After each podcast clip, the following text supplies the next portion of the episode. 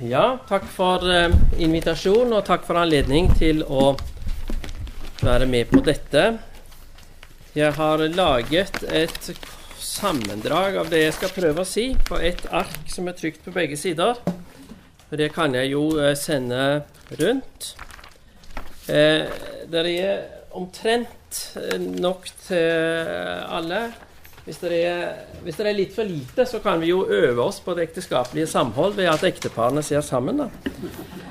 Eh, det å huske det en har hørt, er jo ikke alltid så lett. Eh, dere har jo alle hørt historien om han som kom hjem fra kirken og ble spurt hva presten snakket om. Jo, han snakket om synden. Ja, hva sa han om synden, da? Jo, han var imot den.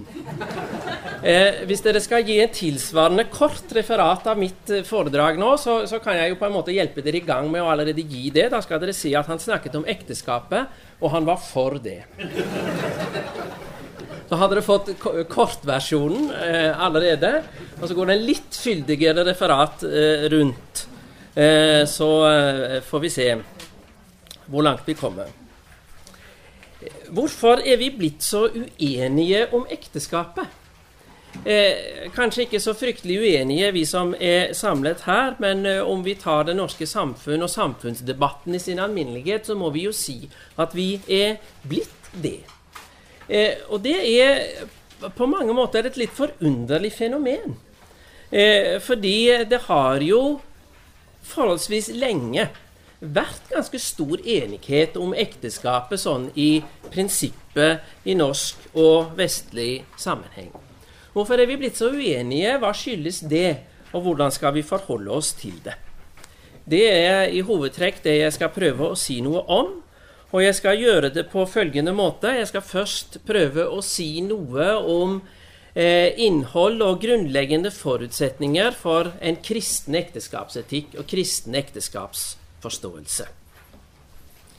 Så skal jeg prøve å si noe om hvilke prinsipper den nye ekteskapsloven og den kjønnsnøytrale ekteskapsforståelsen bygger på. Eh, og så skal jeg da forsøke å se litt hvordan disse tingene forholder seg til hverandre. Eh, kan en med utgangspunkt i en kristen eh, tenkning og kristen forståelse, er det noe her som kan aksepteres, eller er dette nye generelt å avvise. Og hva betyr det i så fall?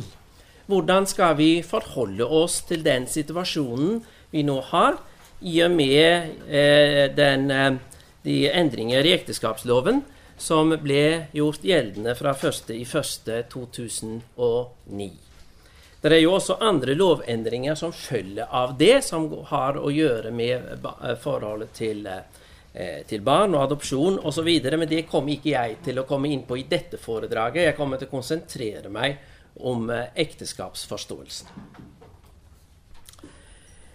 Det sammendraget dere har fått, er i eh, seks punkter, og det er jo altfor mye til å gå rundt og huske på. Så Derfor har jeg i tillegg til seks punkter, eller innimellom de seks punktene, så har jeg tre hovedpåstander. Det er jo sånn en lærer når en skal lære å tale og preke, tilhører å huske sjelden enn tre punkter. Og mitt grunnleggende påstand nummer én det er en påstand som skulle være relativt lite kontroversiell eh, i en kristen sammenheng, for det er et sitat fra første trosartikkel i den ikenske trosbekjennelse. Vi tror på én Gud, den allmektige Far, skaper av himmel og jord, alt synlig og usynlig. Det må vel utvilsomt kunne sies å være et godt og sentralt utgangspunkt. Eh, jeg holdt på å si nesten uansett hva vi skal snakke om i en kristelig sammenheng. Det er en grunnleggende påstand, men den har flere viktige konsekvenser, og jeg skal i denne sammenheng først og fremst peke på to. Det ene er at vi i alle sammenhenger og relasjoner som vi står i, også står i et gudsforhold. Og Det er faktisk det som er ment med trosbekjennelsens utsagn om Gud skaper av det hele. Det betyr at helheten av verden og av våre liv står i en gudsrelasjon og et gudsforhold alltid og uansett. Det er det ene grunnleggende poeng. Og det andre grunnleggende poeng som jeg vil si følger nokså umiddelbart av trosbekjennelsens første artikkel, er at Gud er nærværende som skaper og oppholder også i den fysiske verden. Eh, og det er særlig sterkt understreket i den ikenske trosbekjennelse som jeg her har sitert fra. Gud har skapt himmel og jord alt synlig og usynlig. Og det innebærer, og et forsøk på å formulere i, sånn, i kortform, det som er en veldig grunnleggende påstand i Bibelens første kapittel.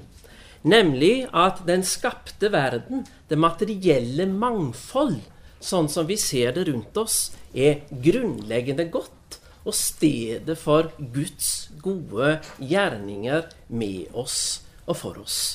Første Mosebok uttrykker dette ved å sammenfatte, konkludere nærmest framstillingen av Guds skaper, skapelse av verden, den konkrete fysiske verden i sitt mangfold, med å si Gud så på det han hadde skapt, og han så at det var godt. Det innebærer, med henblikk på ekteskapet, en uttrykkelig bekreftelse av betydningen av at vi mennesker er skapt som mann og kvinne. Det er også et faktum som er spesielt understreket i skapelsesberetningen i første Mosebok i kapittel 1. Mennesket er skapt i Guds bilde som mann og kvinne. Og det er faktisk akkurat det som fremheves i skapelsesberetningen. Og det har noe å gjøre med hele eh, skapertankens fokus på det konkrete, det fysiske, det materielle. Vi kunne nesten si det biologiske som stedet for Guds nærvær og Guds gode vilje. Det innebærer videre at en på bibelske premisser må stille bestemte etiske krav til de forhold og relasjoner vi står i som kjønnsbundne mennesker. Altså som ektefelle og som mor eller far. Disse forholdene, disse relasjonene, mann og kvinne i ekteskapet, mor og far, eh, i forhold til barn, er særskilt grunnleggende sider ved menneskets eksistens. Fordi de springer direkte ut av mennesket skapt i Guds bilde som mann og kvinne. Og vi ser da også at den gammeltestamentlige lovutleggelse og lovåpenbaring eh, legger spesielt vekt på disse forhold. Som er noe som skal håndteres med respekt, ærlighet og trofasthet. Og det er to av de ti budene som er spesielt opptatt av nettopp disse relasjonene. Du skal hedre din mor og din far, og du skal ikke bryte ekteskapet. Så allerede i Det gamle testamentet trekkes det konkrete og veldig direkte konsekvenser av denne forståelsen av mennesket som mann og kvinne som et spesielt uttrykk for Guds skapervilje og Guds skapende nærvær. Og om dette er relativt tydelig understreket i Det gamle testamentet, så blir det enda sterkere understreket i Det nye testamentet. Det er veldig lett å svare på hva som er Jesu grunnleggende moralundervisning, Jesu grunnleggende etiske undervisning. For det har han svart på selv. Hva er det viktigste budet i loven? Jo, du skal elske Gud av hele ditt hjerte, osv. Og, så og du skal elske de neste som deg selv. Eller en annen sammenheng, fotvaskingen. Jesus følger opp med disippelundervisning og sier til disiplene ett nytt bud gir jeg dere, at dere skal elske hverandre. nestekjærlighetsbudet. Eh, utvilsomt det sentrale bud i Jesu undervisning. Men hva er den viktigste og mest presise konkretisering Jesus gir i sin etiske undervisning? Jo, det går på ekteskapet og forholdet mellom mann og kvinne. Dere har hørt de har sagt at Og så siterer Jesus et bud som i en viss forstand relativiserer skilsmisse, ekteskapet, ved å, eh, ved å sette eh, regler for skilsmisse under eh, gitte betingelser. Men, men, Jesus sier jeg, 'Jeg sier dere' ekteskapet skal være det absolutte utgangspunkt og orienteringspunkt for hvordan dere forholder dere til hverandre. Eh, Jesus kunne forholde seg eh, vi må vel kunne si relativt avslappet til en god del av de, den gjeldende forståelse av, av, mange, av mange, moralbud. Han, eh, han, var ikke så veldig opptatt av en firkantet eh, forhold eh, til sabbaten. Han eh, forholdt seg fritt på enkelte punkter. Men når det gjelder ekteskapet, så understreker Jesus med en vi vil nesten si en ekstra tydelighet hvor viktig dette budet er. Og Samtidig så har vi også i Det nye testamentet at den tanke at, eh, at forholdet mellom ektefellene speiler Kristi forhold til menigheten. Efeserbrevet kapittel 5 Eh, mannen skal elske sin hustru som Kristus elsker menigheten. Eh, og på mange måter må vi kunne si at Jesu ekteskapsforståelse, eh, Jesu undervisning om ekteskapet, er en eh, oppvurdering av kvinnens stilling. En eh, Kvinnen ikke er noe som mannen kan håndtere etter forgodtbefinnende, men kvinnen har krav på en likeverdig og full eh, omsorg i ekteskapet som en konkretisering av nestekjærlighetsbudet, fordi ektefellene eh, står på bakgrunn av en kristen ekteskapsforståelse og ser eh, gudbilledligheten i sin neste, i sin ektefelle. Ekteskapet skal være ukrenkelig, og da må det også være offentlig. Det må være åpent og kjent hvem som er gift med hverandre. Men hva det konkret innebærer for måten ekteskapet skal inngås på, altså hvilken instans juridisk som skal garantere ekteskapets offentlighet, spesifiseres ikke.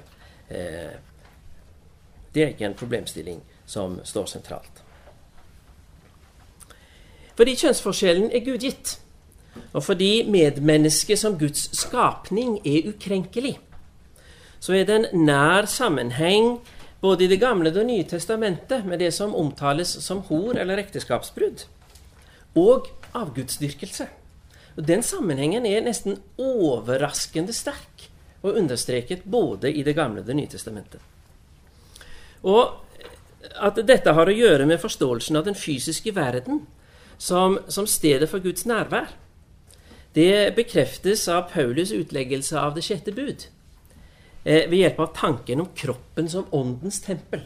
Første Korinterbrev kapittel 6. Paulus sier noe om det. Kroppen, legeme, åndens tempel. Og derfor må en være særskilt varsom med hvordan en omgås eh, de, de kroppslige relasjoner. Det var kort om hovedtrekk ved kristen ekteskapsforståelse. Så skal jeg si noe som, eh, der jeg har satt eh, som overskrift 'Gnostisisme som alternativ religiøsitet'. Og Det er kanskje en litt sånn eh, eh, dunkel overskrift umiddelbart, men jeg skal prøve å forklare hva som ligger i den. Dersom alle relasjoner innebærer et gudsforhold, sånn som jeg sa med utgangspunktet i, i trosbekjennelsens første artikkel, så finnes det ingen nøytrale soner ingen sekulære soner der gudsforholdet så å si kan stilles på vent og betraktes som irrelevant. I alle menneskelige relasjoner så gjelder det ut fra trosbekjennelsen simpelthen den hovedregel at gudsforholdet aldri kan tas bort. Det kan omtolkes. Det kan oppfattes på en annen måte enn det som ligger i en kristen virkelighetsforståelse.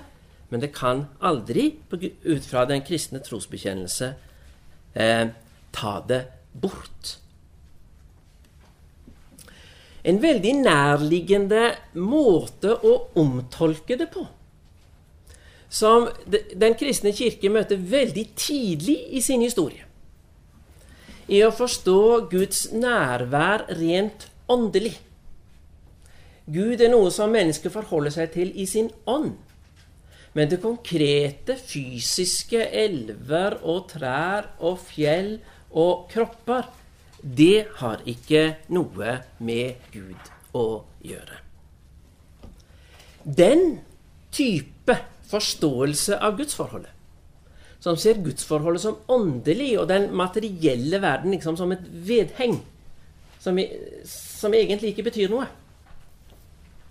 det kalles for gnostisisme. Eh, og det innebærer en forståelse av mennesket som sier at det først og fremst er et åndsvesen, et tenkende vesen, som ved hjelp av sin tanke, sin intellekt, sin kunnskap Gnosis betyr kunnskap, og det er det som har gitt denne retningen sitt navn. Det skal overvinne alle materielle begrensninger. For da tenker en ikke lenger på det materielle som godt, men som et problem som skal overvinnes. Dette kan gi seg utslag på, ulike måter. Jeg kan betrakte det eh, Jeg kan betrakte det materielle som, som ondt. Eh, kan blande sammen skapelse og syndefall og si at den materielle verden, fordi den er materiell, faktisk er ond.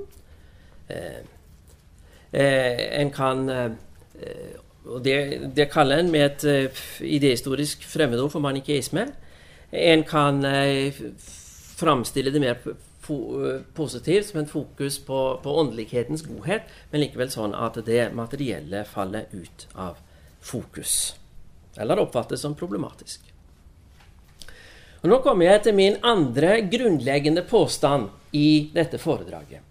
Og det er påstanden om at den moderne epoke, altså den epoke i menneskenes historie som tar sin begynnelse på opplysningstiden sånn fra slutten av 1600- og på 1700-tallet, og som har vært den bestemmende epoke i den vestlige verden relativt lenge. En kan diskutere om vi lever i den fremdeles, men den har i hvert fall vart lenge. Denne epoke, den moderne epoke, er prinsipielt gnostisk i sin virkelighetsforståelse. Den forstår Guds nærvær primært som et åndelig fenomen. Eller eh, den kan erstatte Gud med tenkning om liksom, tilværelsens innerste prinsipp, eller et eller annet sånt. Men det, det gjør så, ikke så veldig stor forskjell i denne sammenheng. Uansett så er måten å tenke på grunnleggende gnostisk. Dersom det finnes en skapertro, så er skapertroen utformet som det vi gjerne kaller for deisme. Og det vil si at Gud skapte verden i skapelsens morgen og liksom la prinsipper for verdensstyret i den, men så har han trukket seg tilbake og er ikke aktivt til stede som den som i dag gir meg det jeg trenger for å leve. Som, som Luther utlegger det i katekismen. Med et bilde så kan vi si at han her forestiller seg Gud som en urmaker. Uh, han har laget verden, men så fungerer den videre i kraft av sin egen lovmessighet. Og disse lovene kan en da forsøke å, å få tak i eh, og, og, manipulere ved hjelp av innsikt, men noe direkte gudsforhold ligger det ikke i det.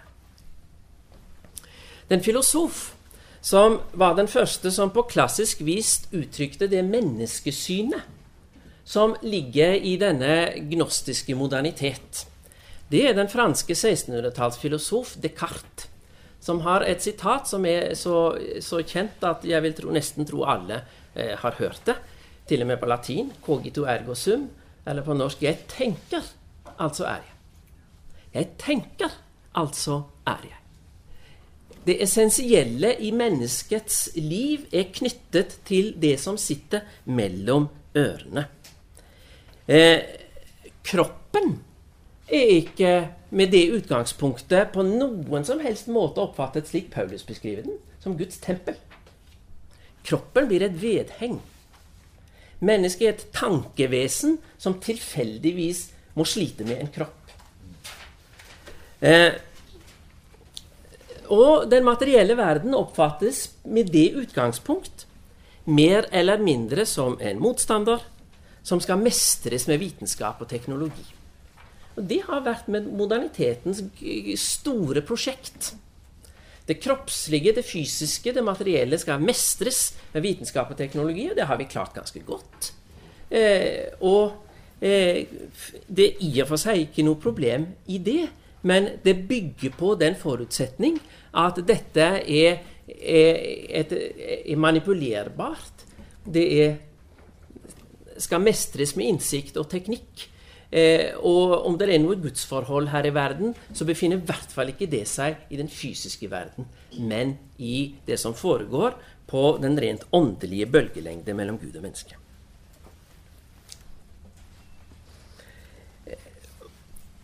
Dette påvirker også statstenkningen, forståelsen av en stat. Nasjonalstat er for noe. Jeg skal ikke si så mye av det, men jeg, kom, jeg må si litt om det, for jeg skal komme litt tilbake til det etterpå.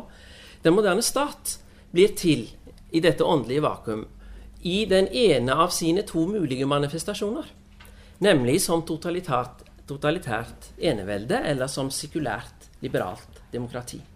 Og begge deler forutsetter et, eh, et, et, eh, et skille mellom Eh, mellom det offentlige og det private. altså Særlig er, det veldig sterkt markert innenfor det vi kan kalle for det sekulære, liberale demokrati, som jo er mer eller mindre i den, den statsform vi, ha, vi, har i Vesten. Eh, der eh, forholdet mellom stat og individ reguleres gjennom skillet mellom offentlig og privat. Eh, en kan ha en gudstro i det private rom, men offentlig kan en ikke forholde seg til noen annen form for religiøsitet enn den som ligger i den felles aksepterte gnostisisme. Hvilke for av, hvilke følger får den for forståelsen av seksualitet og ekteskap? Vel, det gnostiske mennesket, i den grad det er opptatt av å realisere sin gudbilledlighet, så realiserer det ikke sin gudbilledlighet som mann og kvinne men som fornuftig eller følende individ. Der eh, kjønnsaspektet er et tilfeldig vedheng. Eh, det kan en forholde seg til ved å benekte det, og det kaller vi for askese. Eller en kan forholde seg til det med å si at dette er likegyldig, det er ikke interessant, det man kan gjøre akkurat hva jeg vil med det. Og det kan lede til eh, promiskuitet, løssluppenhet. Men det er på en måte ikke interessant, for det er ikke essensielt. Ekteskapet oppfattes på, på dette grunnlag som en kontrakt mellom likeverdige partnere, der en fokuserer på det formale yttersiden av ekteskapet, men er veldig lite opptatt av innsiden. Eh, for skal en gå inn i ekteskapet og, eh, og, virkelig legge det ut etter sitt innhold, så må en gå inn på menneskets identitet som mann og kvinne, og det ligger utenfor horisonten. Mange har påpekt at når en på denne måten fokuserer på ekteskapets ytre side som et kontraktsforhold, eh, så åpner det for en form for fornuftdyrking som legger veldig rett til, rette for eh, eh mannssjåvinisme og kvinneundertrykking. Og Det har jo vært eh, påpekt av alle modernitetens feministiske kritikere, eh, og de har på mange måter rett. Eh, det er grunnleggende problematiske sider ved den tradisjonelle, moderne, borgerlige ekteskapsforståelse eh, som feminister med all rett problematiserer. Problemet er at de ikke problematiserer de grunnleggende forutsetningene, fordi tanken om selvrealisering gjennom forpliktende relasjoner er noe som ligger utenfor horisonten. Individuelle rettigheter er veldig, en veldig sentral tilnærming innenfor denne måten å tenke på. Og fra 1960-tallet av ca. så antas individets rettigheter også å omfatte retten til ubegrenset seksuell aktivitet mellom voksne så langt forholdet er frivillig og gjensidig. Det blir, det, det blir framholdt som et ideal, som, som, og det springer på mange måter veldig naturlig ut av eh, den, den, grunnleggende Altså modernitetens grunnleggende måte å forholde seg til mennesker på. Eh, og eh, eh, og blir en måte å anskue dette på som etter hvert blir veldig allment akseptert. Eh, og i vår, i, i vår, tid er det i veldig stor grad. En kan oppfattes som problem, altså at Utroskap kan fremdeles oppfattes som problematisk fordi det ligger et løftebrudd i det. Men utover det så ligger det på en måte ingen begrensning i den rett til seksuell utfoldelse som enhver må tenkes å ha. Dette er en måte å tenke på som har åpenbare problemer som er lette å, som er lett å, påvirke, lett å påvise. Det er veldig lett å påvise dette statistisk. Eh, fordi at i, nesten så å si i samme grad som en understreker friheten til seksuell utfoldelse, så løsgjør en forbindelsen mellom far og familien. De to tingene henger faktisk ganske nøye sammen. Fordi eh, eh, Fordi dette nødvendigvis, i kraft av tingenes iboende natur, er en måte å tenke på som prioriterer menn på kvinners bekostning. Det er kvinnene som sitter igjen med svangerskapet og barna, og mennene som drar sin vei og blir borte fra familien. Og det følger av den, den grunnleggende orienteringen til, eh, til, eh, til problemstillingen. Men det er veldig vanskelig å problematisere den. En kan påvise de uheldige følgene, men det er veldig vanskelig å gi en grunnleggende problematisering, fordi problematiseringen oppfattes som eh, puritanisme og kritikk av moderne rettighetstenkning. Uansett hvor gode argumenter den har, så blir den aldri forstått som noe annet enn det. Eh, kravet om retten til fri seksuell utfoldelse blir en verdi som står, slår veldig sterkt gjennom. Og et godt tegn på det er, er liberaliseringen av abortloven. Av og til så, så fremstilles det som at eh, denne liberaliseringen i, i, om tenkningen rundt seksualiteten har å gjøre med lettere tilgang på prevensjonsmidler. Og Det er en side av saken, men det er ikke hele saken. Og det ser vi på, uh, på at sam, samtidig som, som, dette idealet brer seg, så skjer det en generell liberalisering av abortloven i den vestlige verden. Uh, slik at, uh, slik at, at, kravet om retten til fri seksuell utfoldelse er et, et, et, krav som står veldig sterkt, og det utvides etter hvert. Det var ikke der i utgangspunktet, men det utvides etter hvert, og relativt raskt til å eh, også å gjelde homofile. Denne livssynsmessige kontekst for debatten er ofte blitt bagatellisert hos mange som argumenterer for en liberalisering av Kirkens holdning til homofili, men nærmer seg spørsmålet med en veldig sånn snever eh, innretning. Lytter på erfaringen til mennesker som har hatt det vanskelig, og sier at disse må vi jo hjelpe. Og det er selvsagt på mange måter en god og prisverdig holdning. Men eh, likevel så, så tror jeg en går, går altfor snevert inn i problemstillingen når en ikke en ser den som en del av denne videre eh, eh, kulturelle endring. Eh, og det er synspunkt som det har vært veldig vanskelig å vinne gehør for både i den kirkelige og den eh, alminnelige debatten eh, i, i, samfunnet. Eh, og det, det, tror jeg på mange måter eh, har gjort denne debatten så vanskelig. Eh, en har eh, insistert på å føre den som en, som en debatt om, om, individuelle menneskers erfaringer og behov. Det blir en altfor snever måte å gå inn i debatten på, selv om vi selvsagt ikke skal glemme individene og de som strever. Så litt om ekteskapslovgivningen. Jeg har ikke glemt at det nærmer seg kveldsmatstid, kveldsmattid, men jeg har, litt tid, jeg har noen minutter igjen. Litt om ekteskapslovgivningen.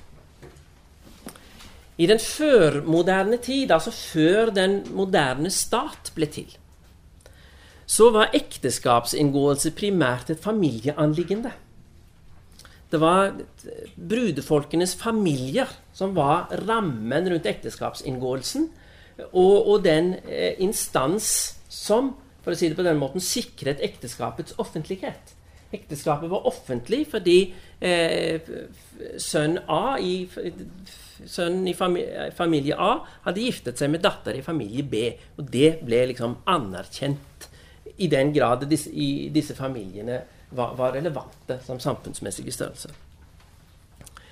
Med den moderne stat blir ekteskapsinngåelsen et statlig anliggende som er regulert ved lovgivning. I Norge har vi hatt det siden slutten av 1500-tallet. Eh, og presten, som en del av statskirkesystemet, men etter hvert også frikirkene, blir vigsler på statens vegne. Eh, noen av oss er så gamle at vi inngikk ekteskap etter ekteskapsloven av 1918. Det er de av oss som har vært gift i 19 år ca. eller mer.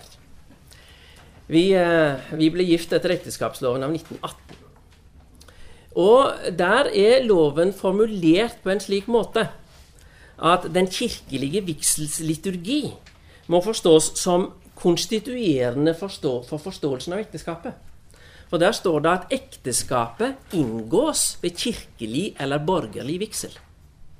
Eh, og jeg, Hvis det er noen som er bedre skolert i juss enn meg, kan korrigere meg, men jeg tror at det må utlegges slik at da er den kirkelige vigselsliturgi å forstå som normgivende for ekteskapsforståelsen, også i juridisk forstand. Dette ble endret ved den nåværende ekteskapslov, som er fra 1991. Det vi fikk nå for, eh, for et par år siden, er formelt sett bare en endring i ekteskapsloven av 1991. Så Hvis dere slår opp i Norges lover, så står det fremdeles ekteskapsloven av 1991 med senere endringer. Der er formuleringen om ekteskapsinngåelsen endret. Der står det at ekteskap inngås ved at ektefolkene i nærvær av en vigsler erklærer at de vil inngå ekteskap. Og Det er hele lovgivningens definisjon av ekteskap. Ekteskapet er det brudefolkene gjør den til når de inngår ekteskapet. Eh, med den klare implikasjon at Kirkens forståelse av ekteskapet som livsvarig er falt ut av lovgivningen. Eh, etter 1991 har de ekteskap som er blitt inngått i Norge, i juridisk forstand, ikke i utgangspunktet vært oppfattet som til døden skiller dere. Det har selvsagt stått i den kirkelige vigsel, og det, og det står det fremdeles. Men eh, det blir på en måte et sånt privat tillegg som ikke er juridisk forpliktende. Avkjønningen av ekteskapet, som altså eh, ble gjort gjeldende ved den siste lovendring, som, som gjelder fra 1.1.2009, det er på mange måter, tror jeg, en konsekvent videreføring av modernitetens ekteskapsforståelse. Ekteskapet er en juridisk kontrakt mellom to selvstendige individer og den består så lenge partene ønsker det. Og de må allerede i, eh, i, eh, ved, ved, undertegning av papirene som skal fylles ut før en gifter seg, gi hverandre gjensidig rett til å gå ut av dette forholdet når de måtte ønske det. Retten til seksuell utfoldelse består uinnskrenket for voksne individer om dette skal skje innenfor mer eller mindre forpliktende forhold, og hvor forpliktende en vil oppfatte dette forholdet, i helt privatisert. Det kan en velge selv. Fordi det er homoseksualiteten som lar mennesker realisere sin seksualitet ved å overvinne sin biologi. Så er det gnostiske fundamentet, altså problematiseringen av det materielle, den er her enda tydeligere enn i tokjønnede forhold.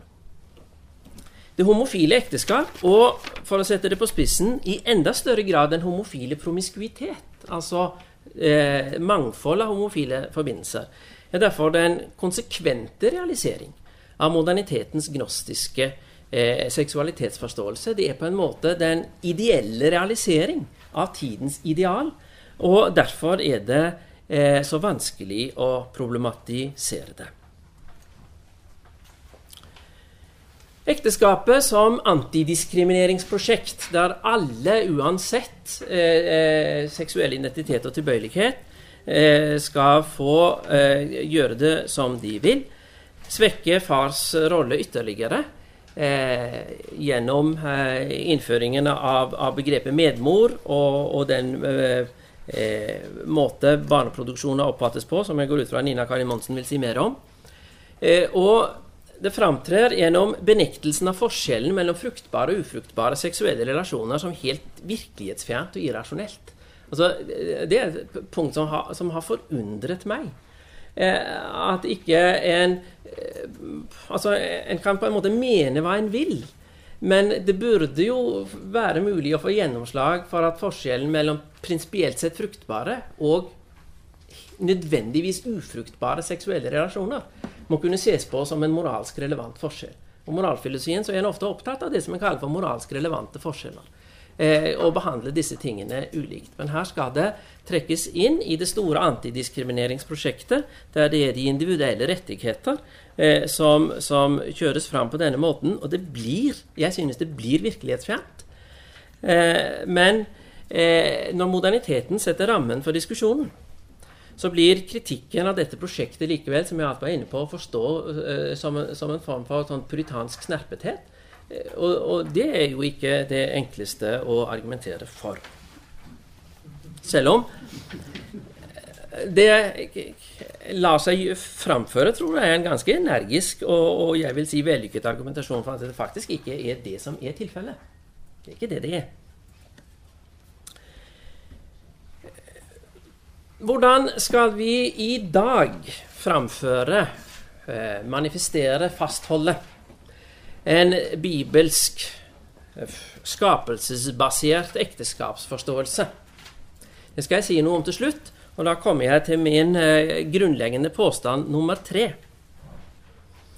Og det er følgende påstand dersom ekteskapet forstås som et livslangt forhold mellom en kvinne og en mann, er det ekteskapsloven nå regulerer. Ikke et ekteskap, men et statlig registrert samboer- eller partnerskapsforhold. Eh, det er i Norge i dag ikke mulig å opprette et offentlig forpliktende livslangt forhold mellom én mann og én kvinne i juridisk forstand. Eh, en kan selvsagt med en kirkelig vigselsliturgi gi sin tilslutning til en kirkelig ekteskapsforståelse, men den er ikke rettskonstituerende. Den har ikke rettskraft. Det er en individuell forståelse som kommer i tillegg til det juridiske. Det vil i hvert fall være min forståelse av det. Eh, vi har simpelthen ikke noen ekteskapslov. Eh, en kan kalle, den, den, kaller seg det, men den er ikke det hvis vi legger en kristen ekteskapsforståelse til grunn. Eh, det vi i dag har muligheten for å inngå juridisk sett, er ulike former for samboerforhold. Vi kan inngå samboerforhold med offentlig registrering, eller vi kan inngå samboerforhold uten offentlig registrering. Men vi kan ikke inngå ekteskap. Juridisk lovlig sett. Hvordan skal vi i kirkelig sammenheng forholde oss til det? Vel, Kirken har strevd lenge med sitt forhold til moderniteten. Ettersom dette er en åndsretning som har en 300-400 eh, års historie, så er jo ikke problemstillingen helt ny. Tradisjonelt så har Kirken hatt en utpreget tilbøyelighet til å forholde seg til moderniteten enten ved tilpasning eller tilbaketrekning. Enten så tilpasser en og, og sier at dette kan vi eh, forholde oss fortolkende til på en eller annen måte, eller så trekker en seg tilbake til det rent indrekirkelige, eventuelt på bedehuset, og sier at vi vil definere det her, og så får verden gå sin skjeve gang.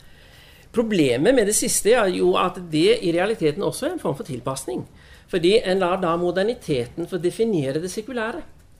Skapertanken, Gud som herre over det hele, kommer ikke til sin rett. Eh, og da står vi jo overfor det helt, det helt konkrete. Hva, hva, hva, gjør vi i forhold til den ekteskapsloven? Eh, og det vil sikkert være et sentralt tema eh, disse to dagene vi skal være sammen.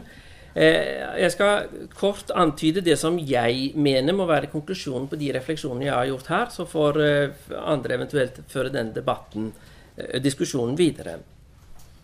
Det er problematisk.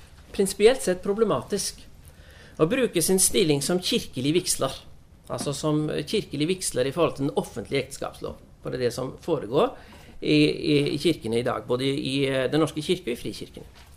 Eh, til å forestå det som i realiteten innholdsmessig sett er den statlige registrering av samboerforhold. Juridisk sett så står altså prestene og forretter en teologisk vel gjennomtenkt vigselsliturgi. Men det de juridisk sett foretar, er på statens vegne å registrere offentlige samboerforhold. Og det spørsmålet en da må reise og diskutere med noe større energi, tror jeg, enn det som har skjedd til nå, er om dette undergraver en kristen virkelighetsforståelse og bidrar til å opprettholde dette grunnleggende skillet mellom offentlig og privat i moderniteten, der offentligheten er sekulær, eller hvis den er religiøs, er den gnostisk, og i det private kan en få lov å tro hva det vil, så lenge det ikke får konsekvenser.